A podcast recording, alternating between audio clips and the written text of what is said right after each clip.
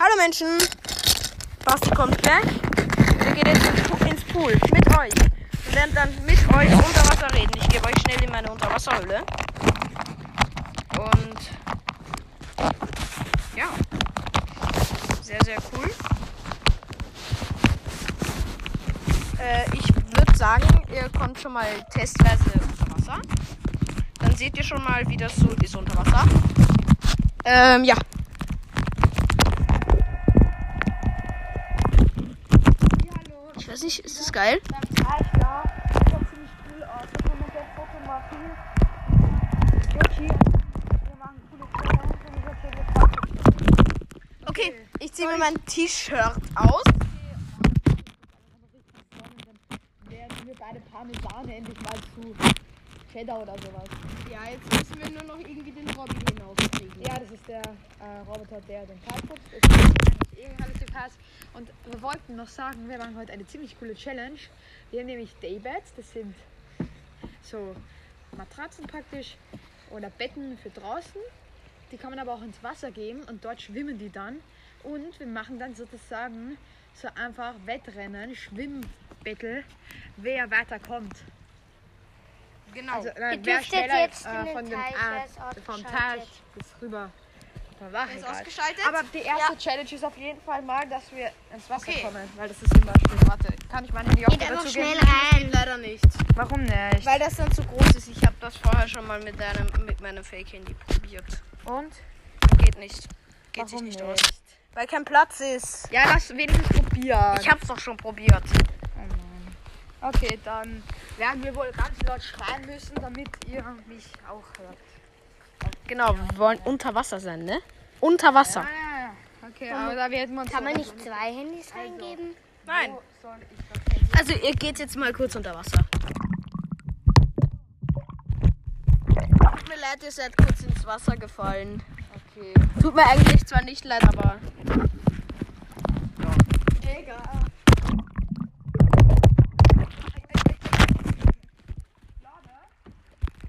Müsste da einen Platz Ey, ey, ey, ey, ey! Ey, yo. Okay. Wir legen euch. Ich nehme so einen pinken und einen Sessel, den stelle ich da hin. Und dann lege ich da euch drauf. Und wir müssen halt ganz laut reden, weil sonst hört ihr uns nicht. Also ich muss zu euch ja nicht laut reden, weil ich bin so smart und habe die mitgenommen. Okay, schau mal, wie warm das Wasser ist. Es ist scheiße kalt. Naja. Jetzt Geht so. schwimm mal rein, Matteo. Matteo, zieh durch. Das ist Marienkäfer An oder so. euch, ihr kennt Matteo ja nicht, Matteo, mein little bro. Was? Äh, Matteo war schon in ein paar Folgen von dir. Ja, aber bei dir nicht. Ach so, ja. Das ist Matteo. Also Matteo ist äh, Bastis Doch, bei Little. Love Battle war ich dabei. Ja, Ja, stimmt, Ja, stimmt. mein Surfbattle. Ich glaube, das habe ich aber gar nicht hochgeladen. Doch, das hast du. Okay. Mietbattle hast du geschrieben. Also, Ah ja, stimmt. Als wäre ich ein Mietbattle. Und heute wird es auch et etwas, apropos Nerfbattle, heute wird es etwas krasses geben. Und zwar die Revanche von legendäres Nerfbattle.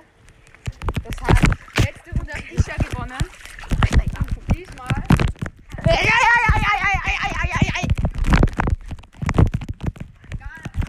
Der hat mich fast ins Wasser geworfen. Ich wusste noch gar nicht, dass er Nerfmittel gibt. Geh doch mit Unterhose rein. Mit Hose und Unterhose. Ja, Ich hab die wollen wir jetzt Unterhose ins nicht Wasser mal an. gehen? Das ist eine andere Hose. Oh, Boah, Digga, ich hör. äh, Es wird so schwer sein, auch ins Wasser allein schon reinzukommen. Oder warte, warte, warte. Lass am Anfang noch nicht reingehen, sondern einfach das Rennen machen übers Wasser. Mit dem Floßteil. Ne, wisst ihr was? Menschen, ich lasse euch zuerst mal draußen und ich springe jetzt einfach rein, okay? Ja, ich Ja, auch. zieh durch, zieh Ja. durch, zieh durch, zieh durch. Also ich lege euch jetzt mal kurz her. Komm, zieh durch. Ich muss dein Handy kurz verkehrt hinlegen, damit es nicht nass wird. Ja, okay. Also Also, dürfen meine wir Mutter schon- möchte kurz was sagen. Ich mach kurz Pause. Dürfen wir schon hineingehen? Da, Matteo. So. Okay, Leute. Ich würde sagen, ich springe mal ins Wasser. Ja, okay. Ma- Du machst einen Doppelflickflach mit dreifacher Umdrehung und einem Double Backflip, okay? Easy. Ja, ist eigentlich eine ganz gute Aufwärmübung, aber ich bin halt schon aufgewärmt. Ja, okay, dann mach's halt auf als Übungsübung. Ich springe einfach vom Haus mit dem Köpfler runter. Also ich glaube, das ist ganz in Ordnung, aber. Ja, okay. Gut. Mama Kann ich jetzt jetzt nicht Wasser machen. Vollgarten machen. Also, oder sollen wir den jetzt noch rausgehen? Schwimmen. Challenge. Ja, eh, aber wir nehmen diese, nehmen dieser beiden kleinen Flüsse. Nein, Oh. Ja, Mann. nein, weil da sind wieder 100 Steine drinnen und dann Nein, die tauchen wir auch wieder raus. Also, eines nehmen. Komm bitte zwei. Okay, pa- nein, es ist doch jetzt egal, nehmen? Basti. Basti, es ist egal. Ihr könnt das kleine nehmen und jetzt wird alle Okay. Steine, die nachher drinnen sind, dann aufgetaucht. Matteo, kannst du Okay. bitte zuerst reingehen? Ich brauche Motivation. Okay. So Leute, wir haben jetzt ein bisschen diskutiert um und wir können. Also, wer bei, Es gibt keine Streiterei Ja. und wird das euch auch nicht Ja, ja. wer bei mir hört, der weiß es eh schon. Ja, genau. Lol, ich habe nur noch 20 Minuten. Was, wirklich? Ja. Ich Ich kann mal. Leute, ich muss kurz die Folge abbrechen, weil ich rufe kurz meinen Vater an. Ja, okay, ich und Äh. Matteo gehen dabei ins Wasser. Ja, genau. Wenn wir uns das trauen. Okay, Leute, ich darf 15 Minuten länger bleiben und nachher am Nachmittag wird es dann eh noch ein paar Folgen im Schwimmbad wahrscheinlich sogar geben. Ja. Cool. Leider ohne mich. Ich kann leider jetzt rein.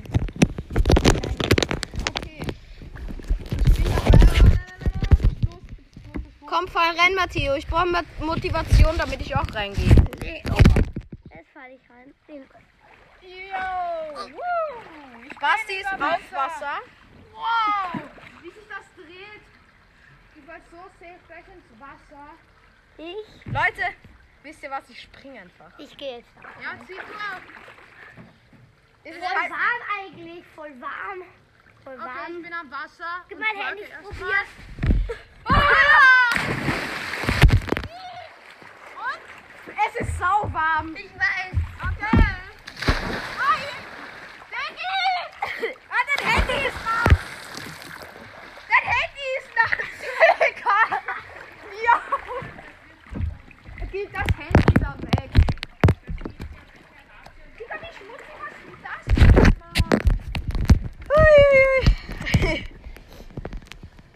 Ist mir egal. Ich muss dann ein T-Shirt nehmen. Ja. Was ich das Handy da einfach einwickeln und kann mir nicht das. Okay, Jo, ich stehe kurz. Okay, Ich gehe kurz unter Wasser. was machen wir? Mit euch. Und dann spreche ich ein bisschen mit euch. Ja, ich auch. Das wird sicher lustig. Ja, okay. Oder wollen wir Leute aufzocken spielen? Du wirfst das Handy ins Wasser und du holst es. Ja. Okay, Warte, ich mach das und du musst es dann suchen. aber ich muss. Ja. Okay, schließ die Augen, Jojo. Ich muss jetzt auch. Okay, Matteo, Jojo, wir haben euch schnell das Handy voll auf das Kasten. Und weg. Und zu.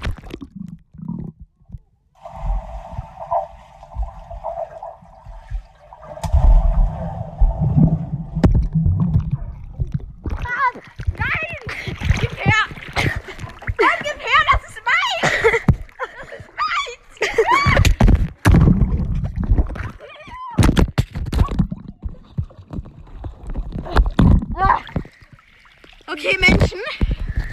Ihr seid aus irgendeinem Grund nicht nass geworden.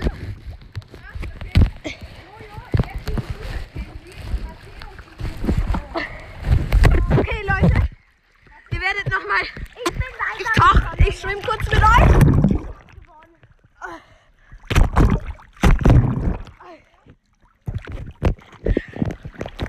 Es ist so schwer, mit deiner Hand zu schwimmen. Da kommt man fast gar nicht voran. Okay, Nein.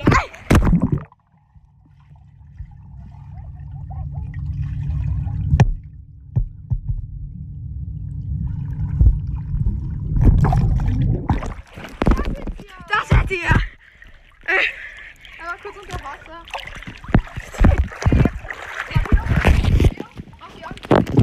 Jojo, Matt, Jojo, genau. Oh, Digga, das klemmt am Ja, okay, jetzt Augen zu und hier fest. Sag mal.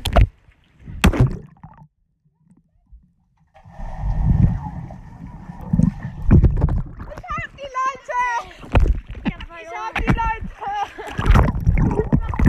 Okay, Leute, wir machen kurz unser Wasser.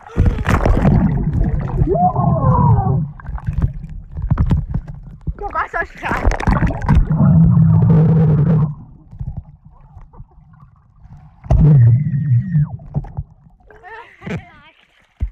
Nichts gesagt. Ich hab komisch. Das ist so nice. Theo, wirf ihn rein! Ja. Schaut weg! Schaut weg! Ja, und zu. Jojo!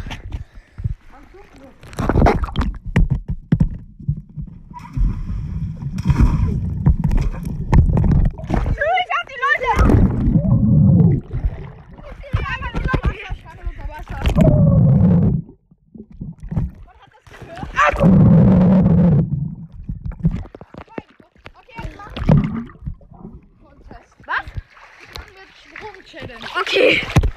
Ich sitze drin und bewerte mit den Leuten. Ich habe eine bessere Idee. Und zwar, einer zeigt einen Sprung her, die anderen müssen ihn gut nachmachen. Okay. Wenn nicht, dann schaden sie aus. Weil ganz leicht ist einer auf der zweiten Okay, das werde ich auch schaffen, Leute. Ihr seid in meiner Hand. Zieh durch. Ich hab's geschafft. Okay, jetzt ist Matthias. Auch geschafft. Super. Okay, wer zeigt jetzt vor? Weiß ich nicht. Mag Matteo? Okay, passt dann. Zeigt jetzt Matteo vor. Matteo. Was ist Matteo? Matteo. Ich bleib kurz im Pool, weil mir wird immer so kalt. Was anderes. Hm, Digga, egal. Ach, hier ist das Brett. Okay, wir müssen ein Brett machen. Ein Brett, okay, das kann ich Matteo- gut. So wie Matthias halt gemacht hat, also nicht richtiges Bild. Das hat sehr gut gespritzt, muss ich sagen. Sehr gut. Muss mal schauen, ob die Aufnahme noch läuft. Läuft die Aufnahme noch? Warte. Kennst du das? Irgendwie geht mein Handy gerade nicht an. Mein Handy geht gerade irgendwie nicht an.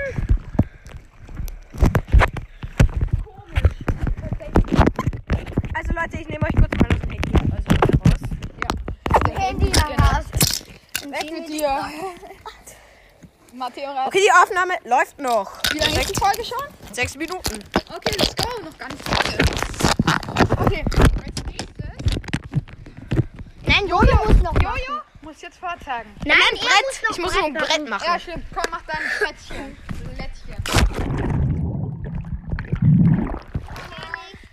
Hä? Was? Warum? Die ganze Zeit. Ja, ja, deine Beine waren halt. Das ist ein Brett. Ja, das ist ja ein Brett. Aber Matteo hat anders vorgezeigt. Oh Ich hab's halt nicht gesehen, okay? Ja, okay, Jojo, das war's. Du bist so halb gegolten und deswegen lassen wir dich noch drin mit einem Schweinchen leben. Jetzt musst du vorzeigen, okay, was wir machen müssen. Aber wir dürfen ke- nicht zu sagen oder so. Zieh durch. Also kein Salto. Mhm. ja, kein Mathe. Dann eine Katze.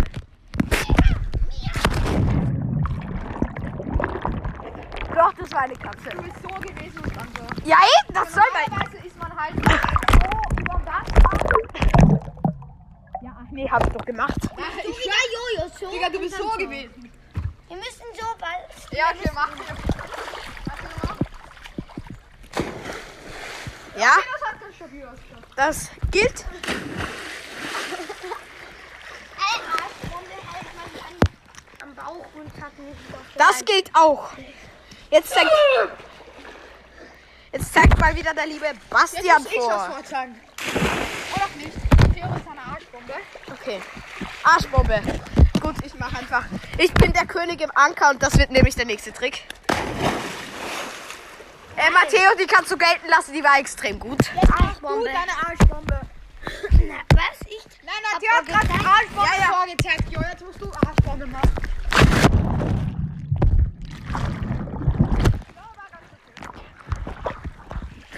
Wenn ich wieder vorzeige, ich mach den König. Äh, Jetzt mache ich. Leute, ihr müsst wissen, es tut mir leid, aber den kann man eigentlich nicht gelten lassen. Ich zeig's zwar nicht vor. Oh, Das schaut nicht anders aus. Nee. Ich bin. Doch.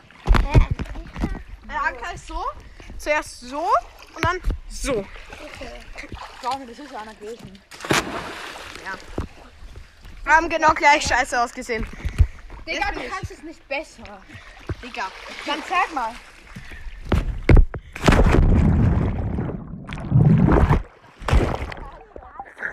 Ja, weil ich mein Handy in der Weil ich mein Handy in der Hand habe. kann schon auch so. Aber Digga, und jetzt bist du dein Trick heute. Okay. Mir fällt nur noch einer. Das ist nämlich jetzt der letzte Trick. Okay, dann mache ich. Danach machen wir Water Wars. Einer ist auf diesem Ja, let's go. Los drauf, Oh, die no, anderen müssen ihn, was? run müssen ihn runterkriegen. Schmeißen. So halt. Komm, zieh durch, zieh durch, zieh durch. Keine Ahnung was, aber. Zieh durch, zieh durch, Ich zieh, mach, ich mach den Anker mit Strampeln. zieh durch, zieh durch.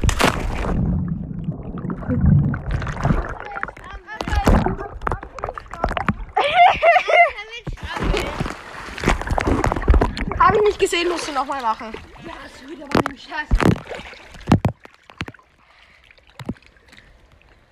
Okay, Der, also Matteo, ich muss dich kurz mal weglegen. Der war so. während du noch geflogen, während du im Wasser warst. Nein, ich Ja, hab geh, dann am ich- Ende so gemacht. egal, wir Der machen war jetzt ziemlich Water cringe. Wars. Leute, holen wir uns das Water.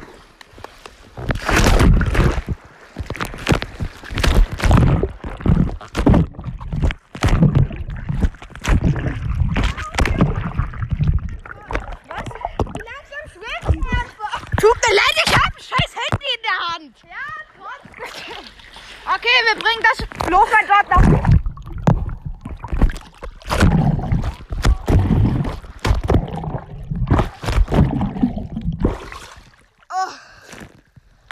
Oh. Euch geht's halt wirklich noch sehr gut.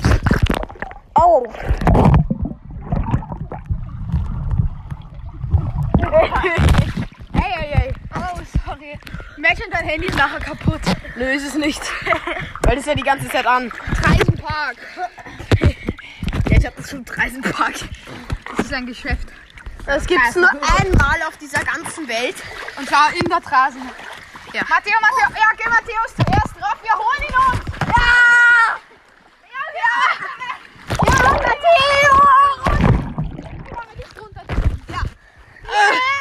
Oh, da muss ich nicht fallen.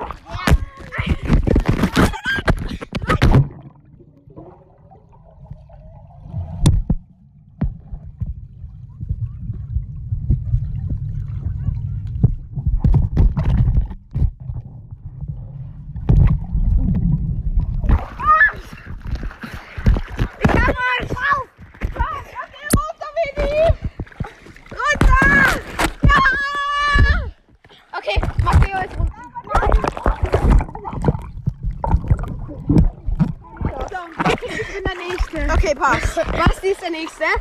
Auf unseren Wassersessel. Wassersessel. Alles klar. Okay, aber ihr dürft euch nicht runterziehen, das ist so cool. Ja. Ey, geh weg, du Nudel! Ja, ich mag Apfelstrudel. Meine liebe Spritze ist.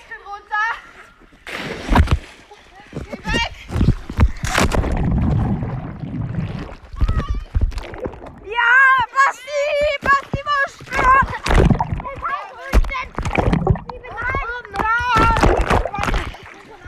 Oh mein Gott, Leute. Ah.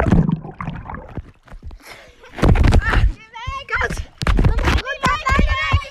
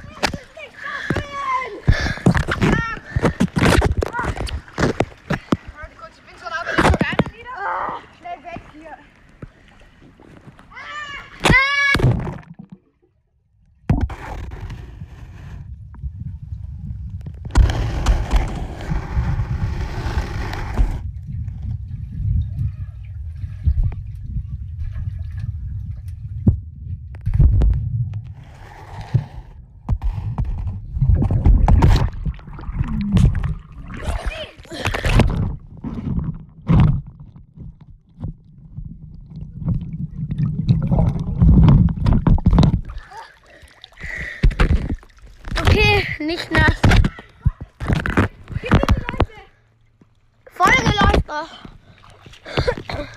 Naja, ihr seht nicht, nicht wahr. Wir müssen zusammen.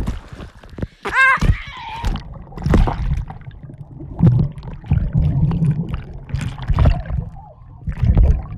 Nee, er lebt noch! Scheiße! Runter!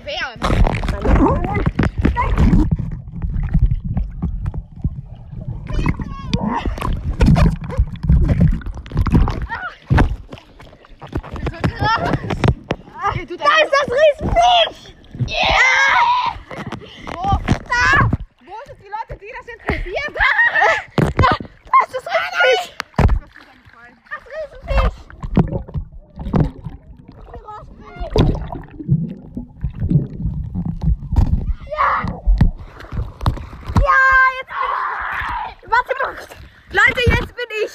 Nein, Leute, die Leute gehören mir! Warte, ich behalte doch halt die Leute da oben, ist okay? Nein. Nein, Basti, du kannst hier runter. Geh weg!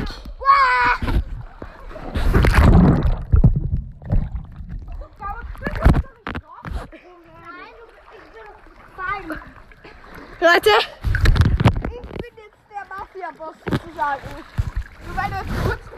Ich bin jetzt der Mafia-Boss sozusagen. Nur weil du jetzt kurz drauf bist, für 5 Sekunden. Okay, wir müssen es kurz umdrehen. Es ist aber komplett verkehrt herum. Digga, ich muss euch, ich muss euch während ich drauf bin ablegen. Es ist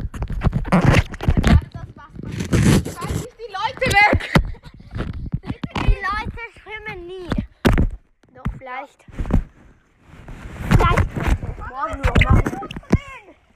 Also, du jetzt vielleicht umdrehst. Schau, ich habe den Schutz gegeben.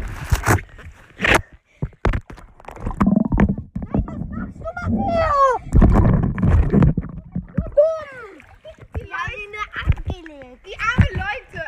Okay, Leute. Okay, Leute, Leute, wir... Könnt ihr mal bitte mitzählen, wie oft wir Leu- schon Leute gesagt haben? Ja, die hören ja die Hälfte ja gar nicht, weil sie da unter Wasser sind. Ja, eh. Okay, Nein, nein, nein, nein, nein, das geht noch nicht. doch, es geht.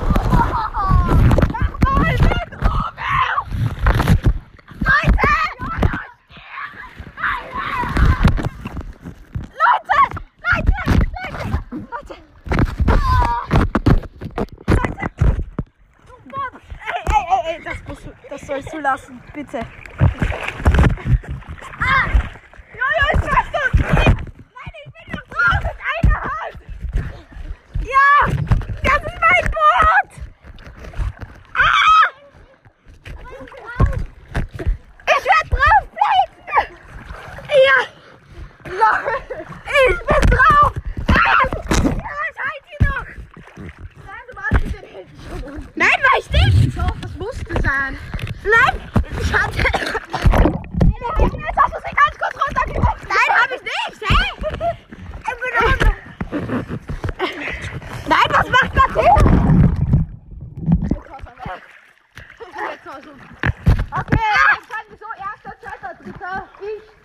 Ey, nein, ich bin ja noch immer drauf.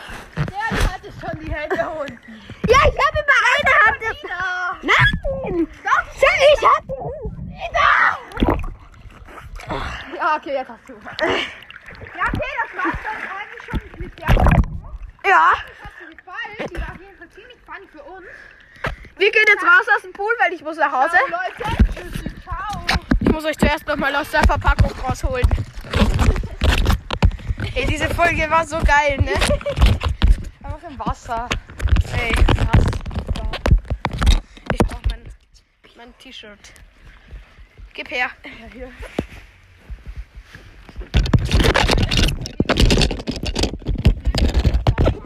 Doro oder so? Nein, bin ich nicht. Ich dachte schon, ich bin dumm.